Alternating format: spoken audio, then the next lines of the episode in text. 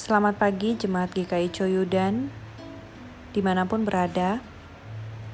Hari ini 6 Mei 2020 kita akan bersama-sama merenungkan bagian Alkitab dari Ayub pasalnya yang kedua ayat 11 ayat 3, sampai 13.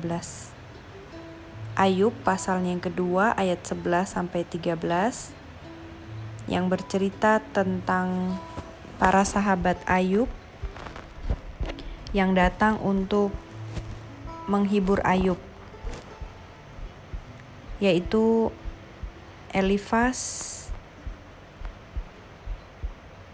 Bildad, dan Sofar.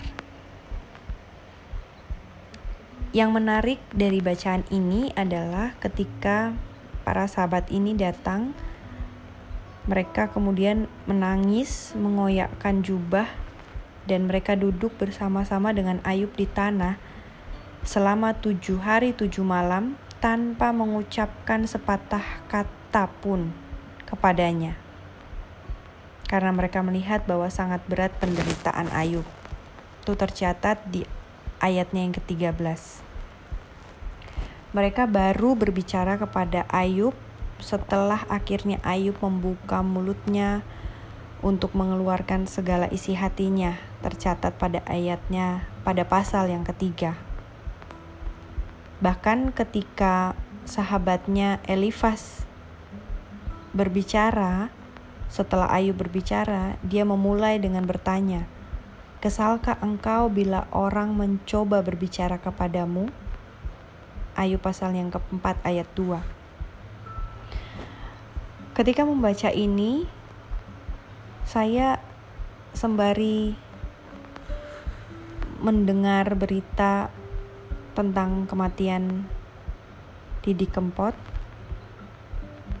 di mana uh, Didi Kempot ini memiliki uh, kumpulan fans yang menyebut dirinya sobat ambiar. Dan mereka bahkan menyebut Didi Kempot ini sebagai bapak dari kaum patah hati karena lagu-lagunya. Nah, kemudian saya jadi tertarik untuk mengambil tema sobat ambiar. Saya bukan mengajak kita semua untuk menjadi fans dari Didi Kempot walaupun mungkin ada yang sudah menjadi fansnya karena memang karya-karyanya patut diapresiasi tetapi saya ingin mengajak kita semua untuk menjadi sobat ambiar seperti yang tergambarkan melalui kisah sahabat-sahabat Ayub yang kita baca bersama-sama.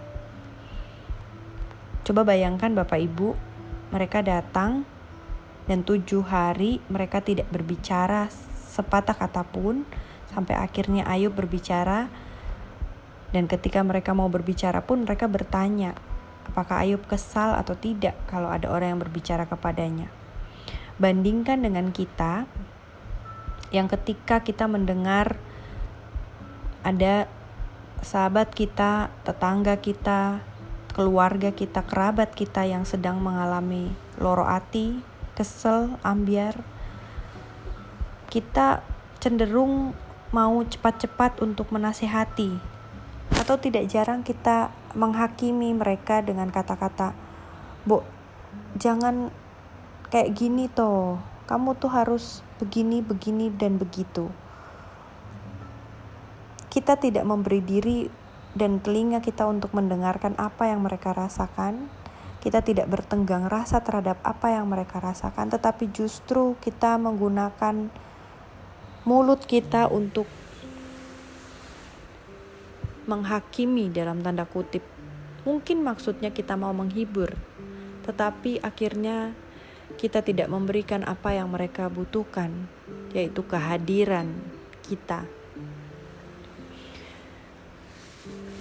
Bapak Ibu yang terkasih, tema Sobat Ambiar ini sebenarnya ajakan yang tidak muluk-muluk karena untuk menjadi Sobat Ambiar, untuk menjadi teman yang mau merasakan loro hati dari sesama kita, kita butuh tenggang rasa.